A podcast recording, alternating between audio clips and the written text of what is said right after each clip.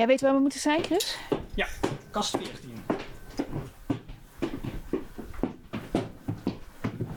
En dan staat hij. Ja, even kijken.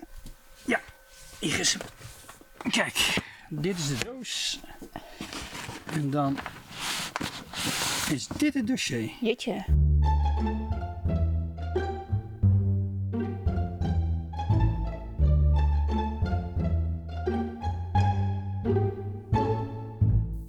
Archiefstukken zijn indrukwekkende processen verbaal met sierlijke letters voorzien van een rood zegel. In deze doos met nieuw ontdekte documenten over de zaak Marietje Kessels vinden we ook kleine kaartjes, frommelige briefjes, soms niet veel meer dan een snippertje papier. En toch, het is allemaal van belang voor het grote verhaal. En in dat verhaal zijn we nu beland aan het eind van december 1900. Voor de moord op de elfjarige Marietje in Tilburg zit schilder August Mutsaars nog altijd in voorarrest, terwijl koster Johan van Isterdaal dan net is vrijgelaten. En ik nodig je uit eens mee te kijken naar die kleine kaartjes. Want het lijken soms dan wel flarden, maar ook zo'n snippertje kan van belang zijn. Kan het ontbrekende puzzelstukje zijn om het complete verhaal over Marietje Kessels te vertellen. Want de boodschap in veel van die kaartjes en briefjes is overduidelijk. Ook in 1900 zetten mensen vraagtekens bij de rol van de kerk.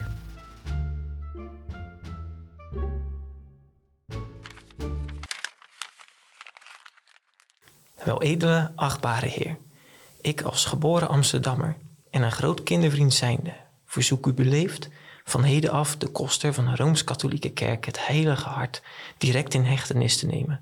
En ik kan u beslist beloven dat wanneer de koster Istendaal niet in hechtenis genomen wordt, dat ik hem kom vermoorden. Incognito, een kindervriend. Ik ben Marilou Nillissen en dit is deel 2 van De moord op Marietje Kessels. Een onzichtbare hand.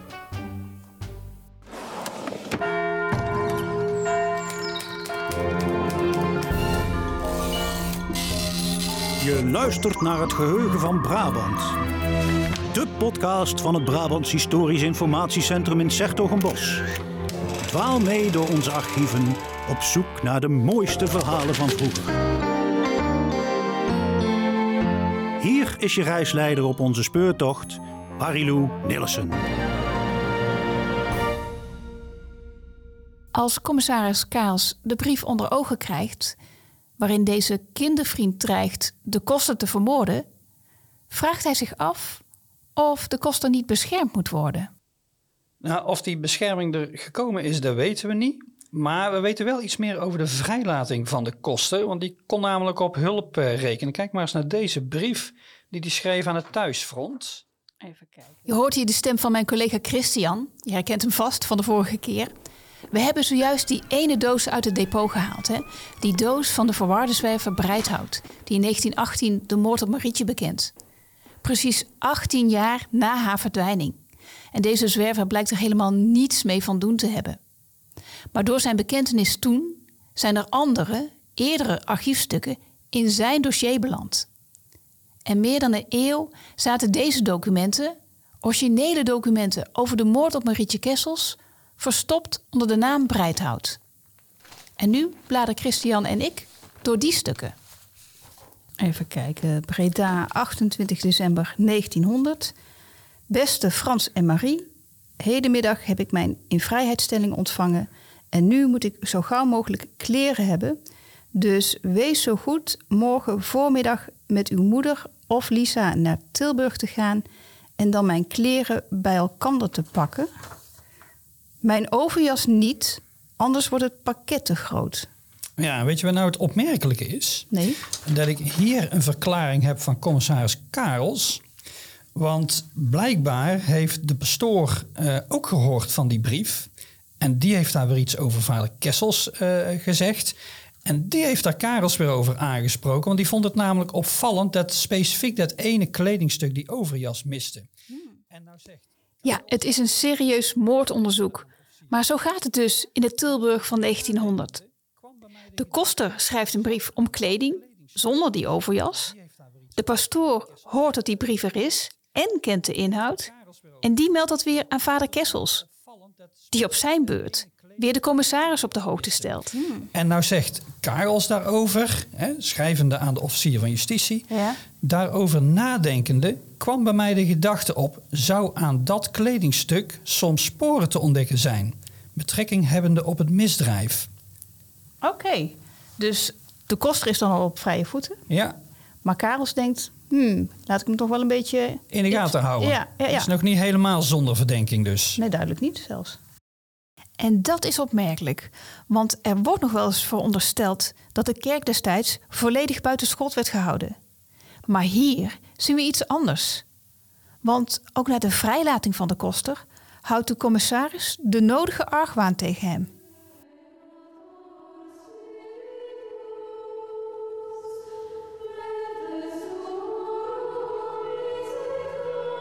Aan het begin van de vorige eeuw is Tilburg de meest katholieke stad van Brabant. Het geloof zit diep in de haarvaten van de Tilburgers.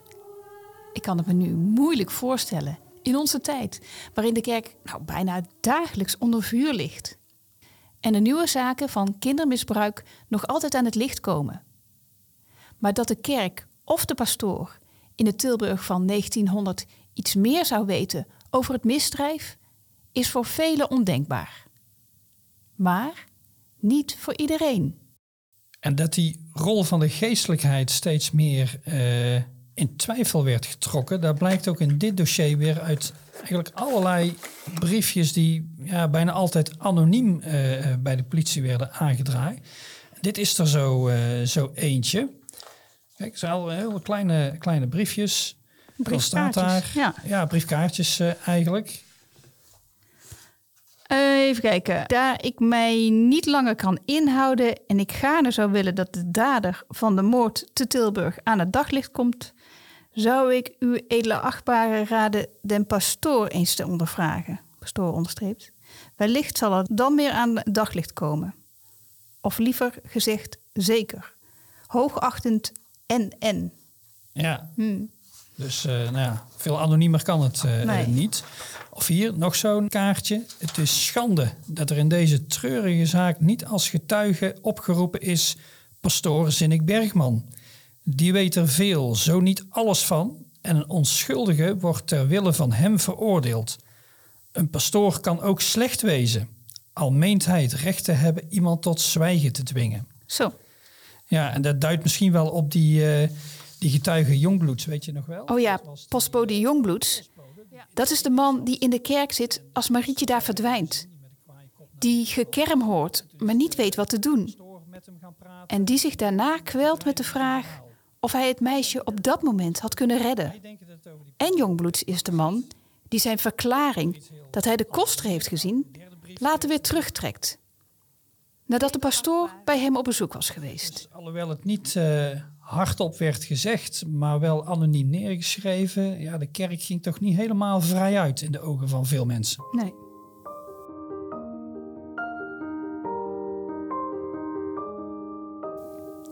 Het feit dat de koster van Isterdaal nog voor het einde van het jaar 1900 al op vrije voeten wordt gesteld, waardoor de schilder Mutsaerts de enige verdachte blijft, zal de geruchtenstroom rond de koster en de pastoor alleen maar verder hebben gevoed. En de zaak houdt niet alleen Tilburg bezig, Heel Nederland kijkt en leest mee als August Mutsaars een half jaar later, op woensdag 12 juni 1901, als enige verdachte voor de rechtbank in Breda moet verschijnen. Daar wordt Mutsaars bijgestaan door de jonge, veelbelovende advocaat Frans Pelsrijke. Ook belangrijk, Pelsrijke is niet katholiek, maar protestant. Tien maanden lang is hij alleen maar met deze zaak bezig. Pro Deo. Zijn pleidooi voor de onschuld van de schilder neemt meerdere uren in beslag, maar de publieke tribune hangt aan zijn lippen.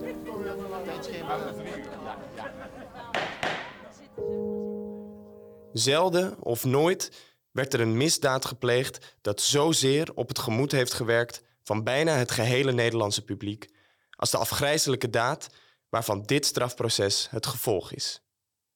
Toen in het laatst van augustus van het vorig jaar door de nieuwsbladen de mare werd verspreid van de geheimzinnige verdwijning en daarmee van de afgrijzelijke moord van het elfjarig meisje, ging er een schok, een rilling, een huivering door het land. En al naar gelang van meerdere bijzonderheden bekend werden, nam de onrust en de afschuw over de wandaad steeds meer en meer in hevigheid toe. Zijn woorden zijn zo beeldend. Ik zie ze voor me ja, als een film. Alsof ik zelf getuige ben in deze rechtszaal. Pels Rijke bouwt zijn verhaal zorgvuldig op. Probeert duidelijk te maken dat het niet de schilder kan zijn geweest.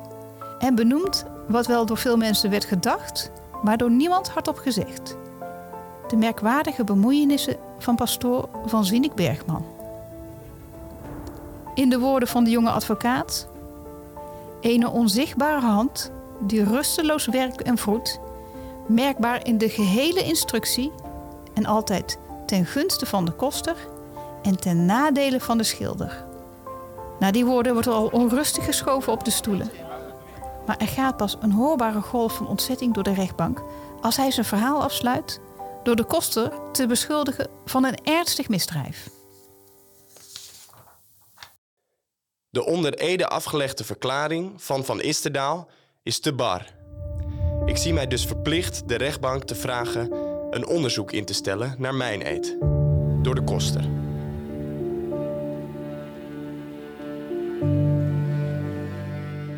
Die verklaarde namelijk dat hij op 22 augustus, dus de dag van de verdwijning van Marietje, al rond half elf de kerk had verlaten om naar huis te gaan. Want daar zou hij namelijk een partij hout in ontvangst hebben genomen onderaan staan uh, werken.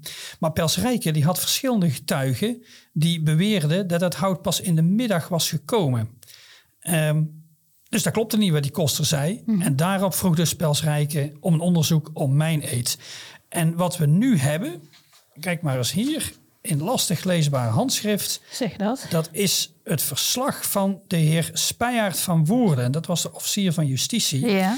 En uit dat verslag blijkt dat er ook andere getuigen waren.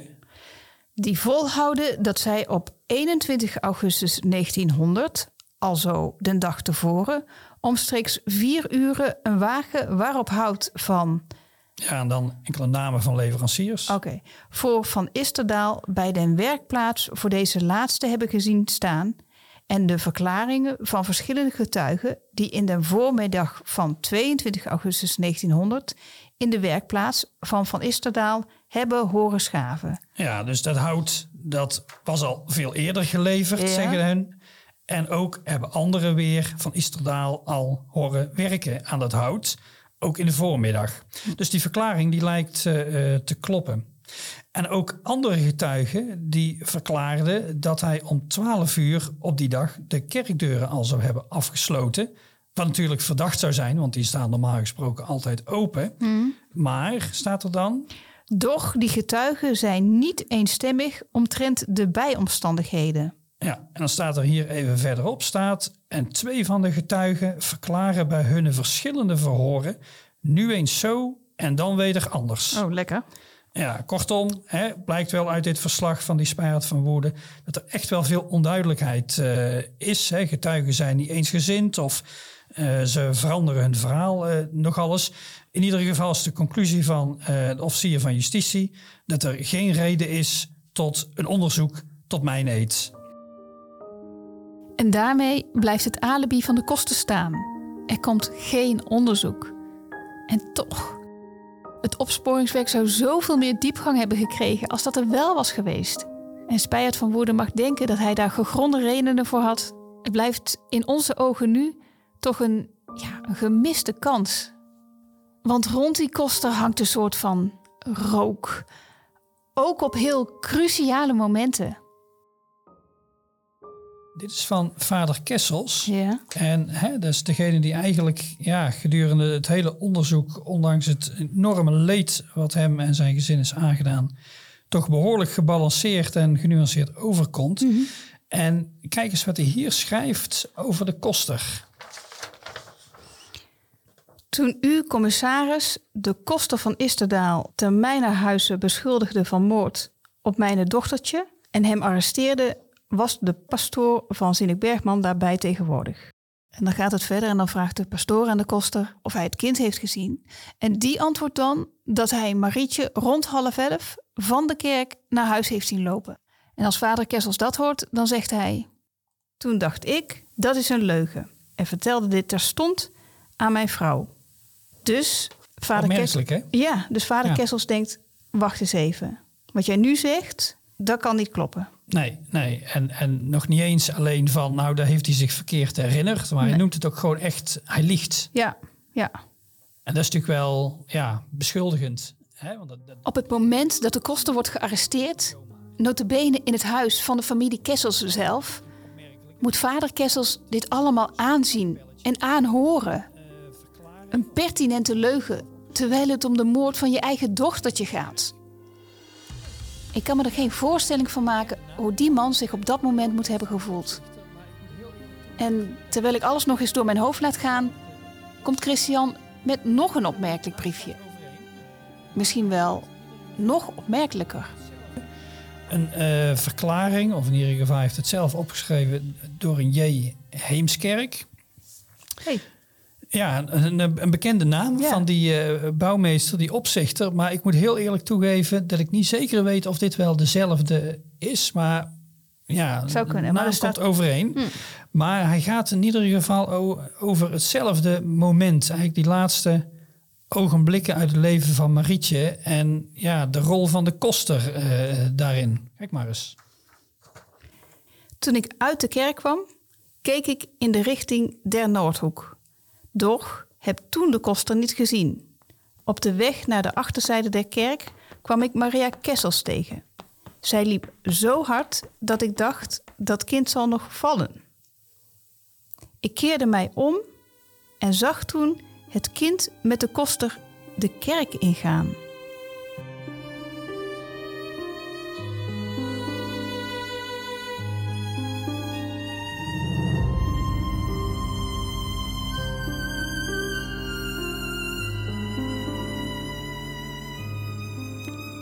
Keerde mij om en zag toen het kind met de koster de kerk ingaan. Ik weet niet hoe het met jou zit, maar ik wist even niet wat ik hoorde. Tot nu toe ging ik ervan uit dat Maria Smulders, eigenaresse van het café, de laatste was die Marietje zag. En nu staat het hier, op een los papiertje, niet in een officiële verklaring van de politie? Of toch? Ik ga weer op zoek in het uitgebreide archief over de zaak van Marietje dat we al eerder onderzochten. Op zoek naar een verklaring van bouwmeester Heemskerk. Maar daarin geen woord over de koster die met Marietje de kerk inloopt. Is dat dan niet dezelfde Heemskerk als van het briefje? Wat is er toch met deze zaak?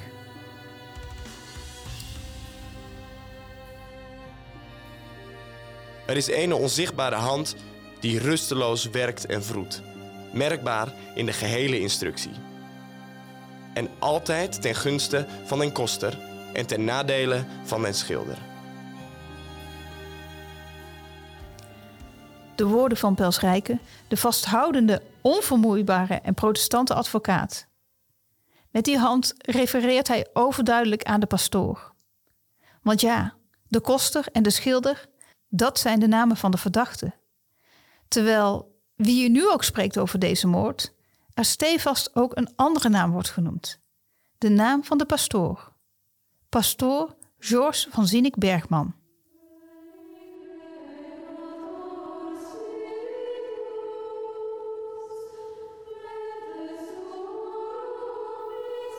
De man in wiens kerk Marietje is vermoord. De man die aanwezig is bij de arrestatie van de koster. De man die ook zelf met getuigen spreekt. De man die we op zoveel plekken aantreffen waar wij zelf de pastoor niet hadden verwacht. Toen Christian en ik voor het eerst de doos openden met deze nieuw ontdekte archiefstukken, die doos waar ze dus eigenlijk niet hadden moeten inzitten, schoot het meteen door ons hoofd. Vinden we hier meer over de rol van de pastoor? Vinden we hier het ontbrekende stukje van deze ingewikkelde puzzel? Nou, tot nu toe is er natuurlijk altijd wel heel veel gepraat over de pastoor. Hij is echt een centrale figuur in deze hele zaak. Ehm, maar we hadden nog niet heel veel documenten van de pastoor. Eigenlijk alle informatie die we over hem hadden, die stond gewoon in verklaring van anderen. Ehm, en in de verslagen van de terechtzittingen. En daarom vragen mensen ons ook wel eens van ja, waarom is de pastoor bijvoorbeeld niet aan, aan de tand gevoeld? Maar in dit dossier, daar zitten dus een heleboel verklaringen in van de pastoor zelf. Echt opgetekend door de politie. Je moet je maar eens naar deze kijken. Dit is een hele lange procesverbaal van terechtzitting. En kijk maar eens naar dit regeltje hier. Ik vermeen later op de morgen. Ik vermeen later op de ochtend niet in de kerk te zijn geweest, doch wel smiddags, en schijnt toen op het koor te zijn geweest. Ik herinner me flauw daar een kleedje op de trap te zien liggen. Ja, komt allemaal niet heel erg eh, stevig over. Nee, bepaald niet, nee. Nee, ook een beetje nonchalant misschien. Hè. Het, ik schijn er geweest te Ja, zijn. Ik meen me te herinneren, ja. Ja, precies. En, maar kijk nou eens eh, hier. Kijk, dit is een verklaring. Of ja, een eh, verklaring van een getuige. Informatie staat erbij. Ja. Ingewonnen door een rechtercommissaris. Belast met de instructie der strafzaak in het arrondissement Breda. Hier staat zijn naam. George Willem Jozef Marie van Zinnik-Bergman. Ja. En dit is er eentje van 26 oktober 1900. Oké. En het mooie is, deze gaat over het moment van de arrestatie van de koster. Want de pastoor die was daarbij aanwezig. En het grappige is dat we daar weer wat meer informatie uithalen van hoe dat moment precies is eh, verlopen. Bijvoorbeeld dat de koster tegen de commissaris zegt, als die hem vasthoudt, laat mij maar los. Ik zal niet gaan lopen.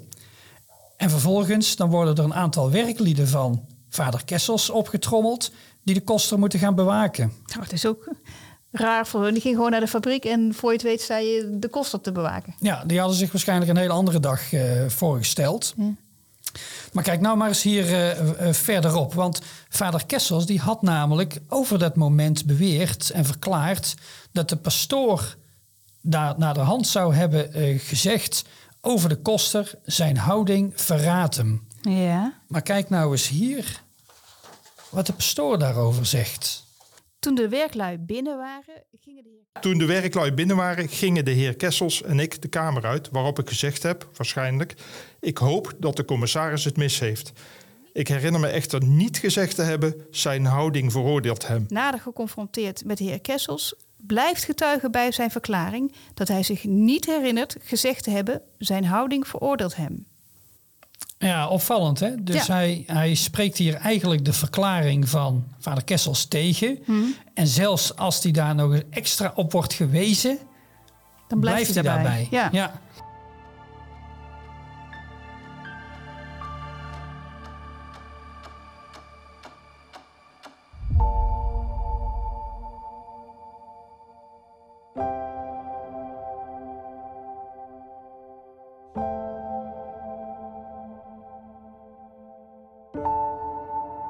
En dat is niet het enige. Ik heb namelijk nog zo'n verklaring. En dat is deze. Kijk, dat is ook weer zo'n verklaring van den getuige. Informatie staat er dan eh, boven.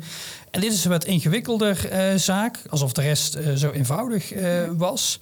Maar hierin verklaart de pastoor over iets wat Karels, de commissaris, hem vlak na de arrestatie van de koster zou hebben gezegd over mutsaars.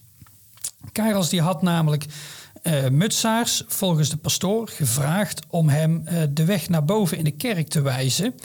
En let wel, Marietje was toen dus nog niet eh, gevonden. Want Mutsaars die weigerde, want volgens de pastoor gingen er al veel te veel mensen naar boven in de kerk, zei hij. Maar Karels die wilde toch gaan. En dan lees hier maar eens verder. Even kijken. Eerst daarna zou Mutsaerts... Eerst daarna zou Mutsaars de sleutel hebben tevoorschijn gehaald en het torendeurtje geopend. Toen ik enige tijd later de heer commissaris van politie op dit verhaal, zoals hij dit mij gedaan had, opmerkzaam maakte, sprak hij dit tegen en ontkende het al dus in deze vorm te hebben medegedeeld. Ik weet echter zeker dat deze mededeling zo door de commissaris van politie is gedaan, omdat ik er nog met de kapelaan over gesproken heb. Ja, dus dit is ook weer heel bijzonder. Want als de pastoor natuurlijk gelijk zou hebben... en Karels dat inderdaad zo gezegd zou hebben... en Mutsaars dus ook... zou dat natuurlijk heel verdacht zijn geweest voor uh, Mutsaars. Want die zou de sleutel hebben gehad. En Karel ja, misschien ligt het aan mij, maar bij verschillende namen raak ik altijd snel de draad kwijt. Maar het zit dus zo. Volgens de pastoor zou de schilder geweigerd hebben om de deur van de toren voor de commissaris open te maken. En de pastoor zegt dus dat de commissaris dat tegen hem heeft gezegd. Maar die commissaris weet dus van niks. En die wordt nou zelf bevraagd hoe dat nu zit. En oh ja, niet onbelangrijk, die deur luidt uiteindelijk tot helemaal bovenaan de kerk, tot het verwulsel. Toen ik mij naar de kerk begaf, wist ik niet dat Mutsaars een sleutel van de toren had. En het verzoek om de deur voor mij open te doen is dan ook niet door mij gedaan. Ja, dus dat is eveneens opmerkelijk, want dit is eigenlijk gewoon al de tweede keer in twee verklaringen dat de pastoor iemand tegenspreekt in zijn verklaring. En, dan en dat ook bevestigt. Ja, en dan ook niet de minste. Nee. Maar ja, zowel vader Kessels als de commissaris van de politie zelf. Dus dat is wel heel bijzonder.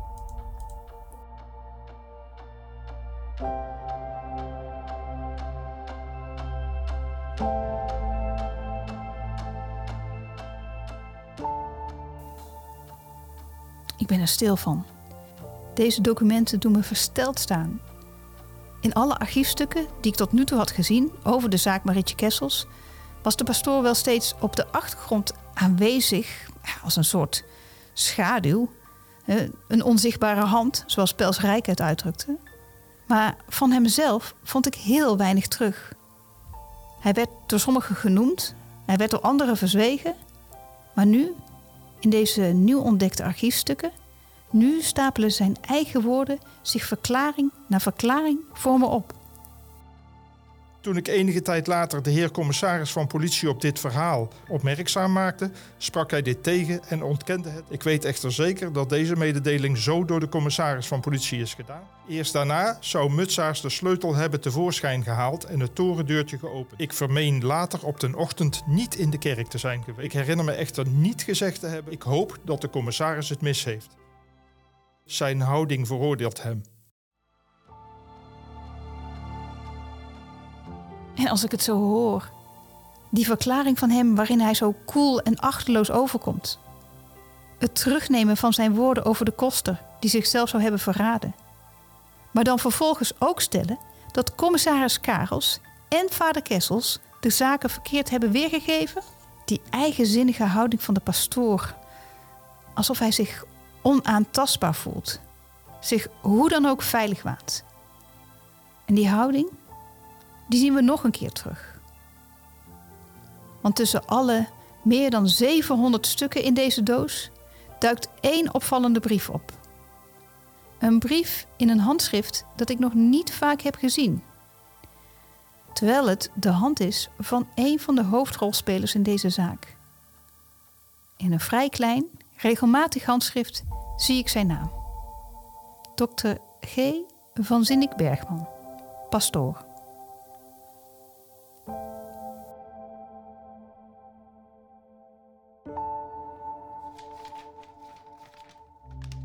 Wel edelgestrenge heer, eindelijk is mij ingevallen wat ik uw edelgestrenge vrijdag wilde mededelen. Waarschijnlijk is het uw aandacht niet ontgaan, maar het is toch mogelijk van wel en ik geef er niets dan mijn brief op toe als het overbodig is. Voor het eerst hoor je zelf wat de pastoor uit eigen beweging naar voren brengt. In wollige taal die past bij die tijd, misschien ook wel bij zijn persoon, maar die eerste zin. Eindelijk is mij ingevallen. Alsof hij het bijna vergeten zou zijn. Een moord, nog maar twee maanden geleden, in zijn eigen kerk die nonchalance die we al eerder zagen. De toon van een buitenstaander.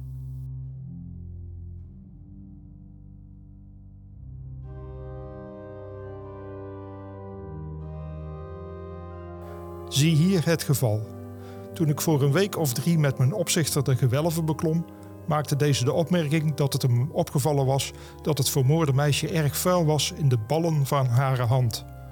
Hij trok daaruit de conclusie en naar mijn bescheiden mening niet zonder reden, dat het kind zelf de gewelven was opgegaan.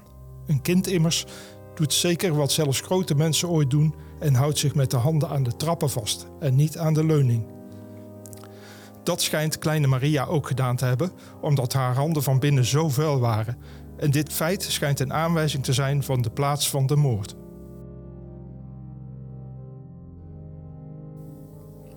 Nou, wat hier natuurlijk feitelijk suggereert, is dat Marietje zelf ja, naar boven is geklommen na dat verwulfsel. En dat dat dus eigenlijk de plek van ook de moord zou moeten zijn, plaatsdelict.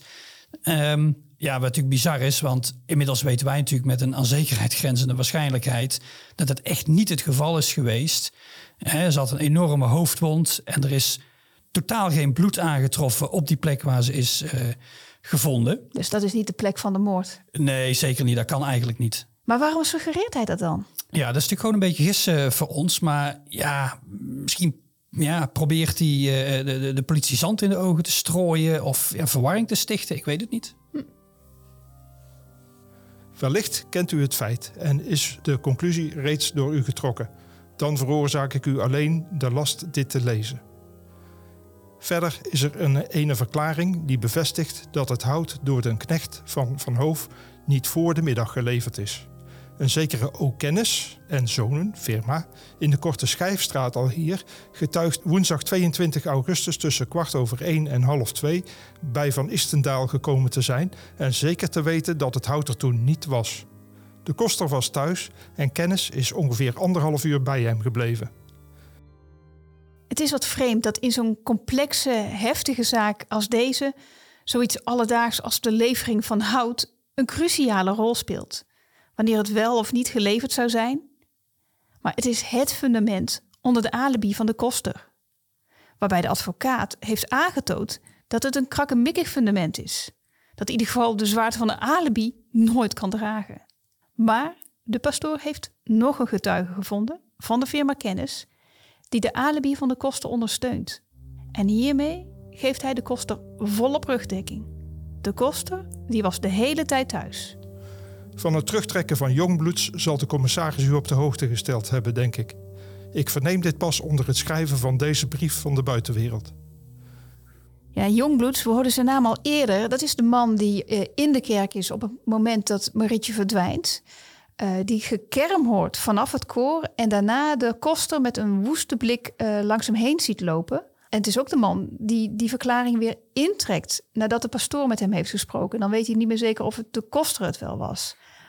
Nou, die jongbloeds die brengt die pastoor hier ook nog even ter sprake. Ja, feitelijk trekt dus de pastoor hier zijn handen van die hele zaak uh, af. Hè? Hij heeft daar pas over gehoord ja, via de buitenwereld, zoals hij dat dan uh, zo uitdrukt. Uh, hij heeft er niks mee van doen, is eigenlijk zijn suggestie. Terwijl wij dus inderdaad wel degelijk die verklaring van die zoon hebben. Die aangeeft dat die pastoor er helemaal niet niks mee van doen heeft. Maar zelfs heel actief zich ja, gemengd zou hebben in de getuigenis van zijn vader, de oude postbode Jongbloeds. Dus heel verdacht. En ook de toon, de buitenwereld, Chris, vind ik echt wel weer iets wat je denkt, hoe bedenk je het?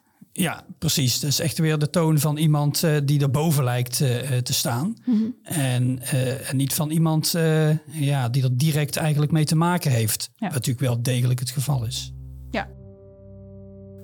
Daar ik weet dat elke, ook de minste kleinigheid, u in deze belang inboezemt, heb ik gemeend u deze mededelingen te moeten doen.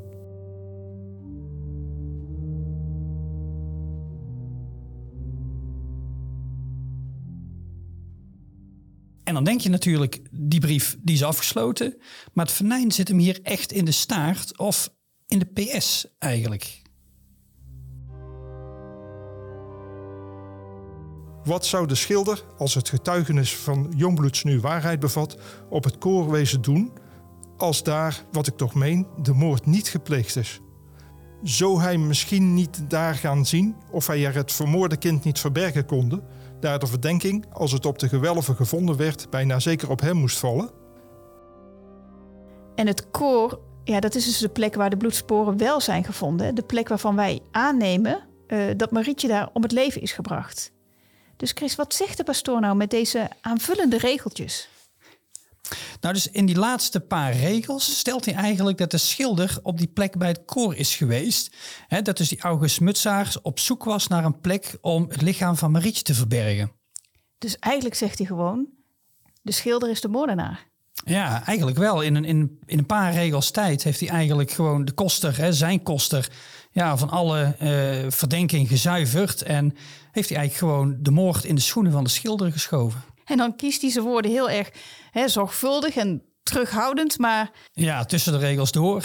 Beweert hij keihard, Mutsers, jij bent de moordenaar.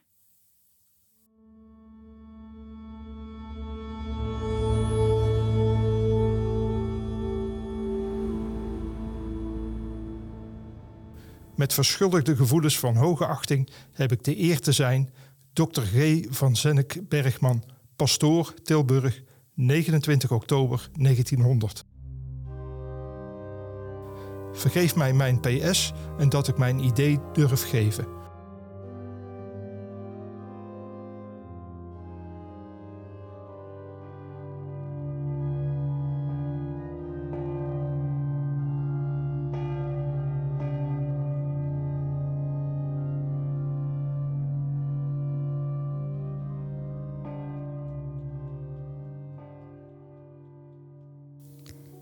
Vergeef mij dat ik mijn idee durf geven. Terwijl, dat is nou precies wat de pastoor doet tijdens het hele onderzoek. Iedere keer staat hij op een cruciale plaats of gaat naar betrokkenen en getuigen om zijn idee te geven. Naar de politie, naar de familie Kessels, naar de oude postbode Jongbloeds, steeds met zijn idee over wat er is gebeurd of wat er over moet worden gezegd of gezwegen.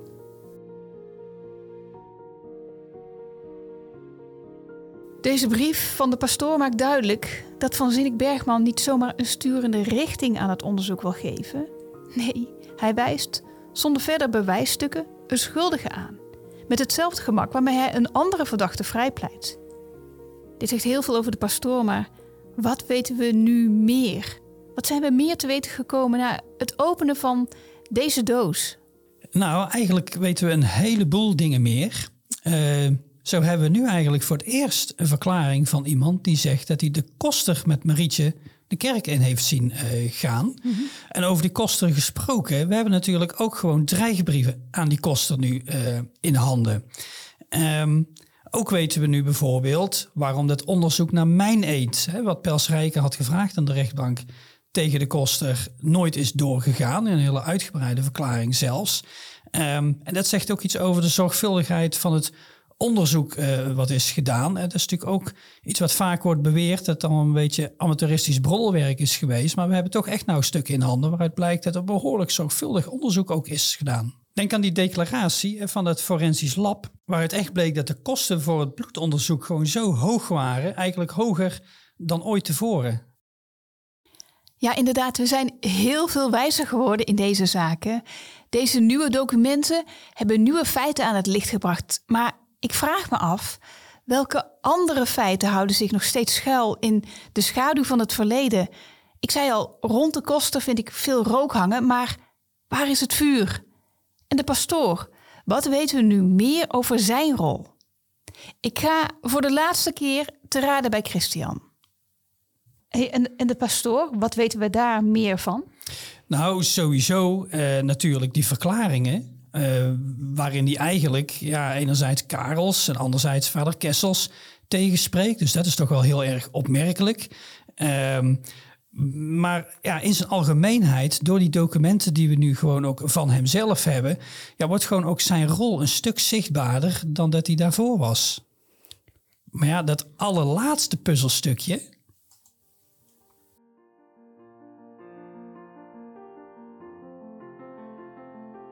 Ja, dat allerlaatste puzzelstukje, dat hebben we nog niet.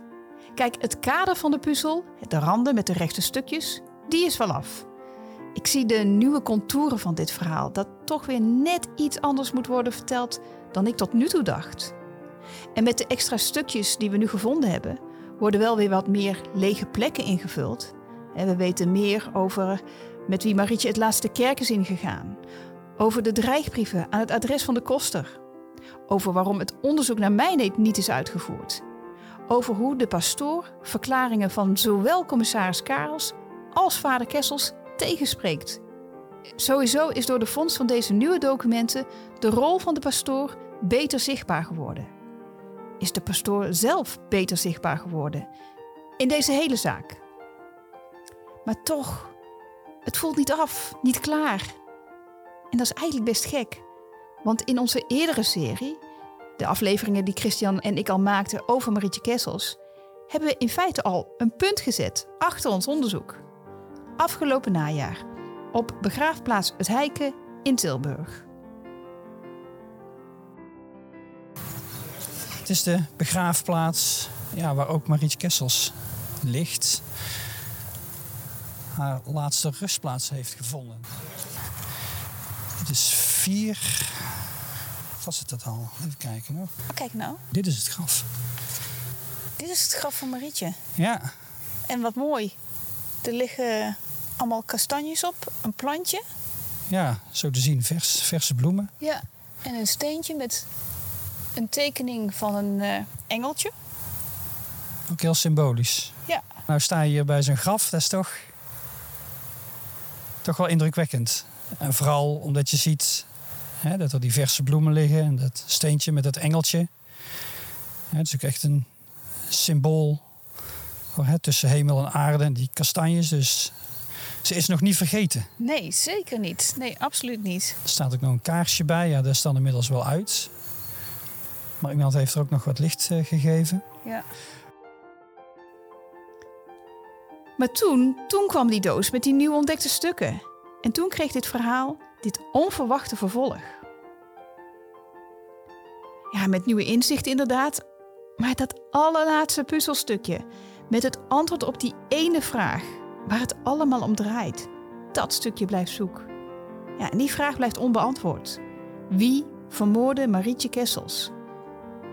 En ik weet niet hoe dat bij jou zit, maar bij mij schuurt dat. Dat, plus het feit dat er weer zoveel vragen zijn bijgekomen. Over hoe de laatste minuten uit het leven van Marietje zijn geweest. Over sporen die zijn uitgewist of niet herkend. Maar ook over hoe dit verhaal nu nog wordt doorverteld. Hoe de familie Kessels raakt. Over nog zoveel zaken. Vragen die jij misschien ook wel hebt. En daarom weet Christian en ik aan het eind van deze podcast één ding zeker. Dit verhaal gaat verder. Deze podcast gaat door.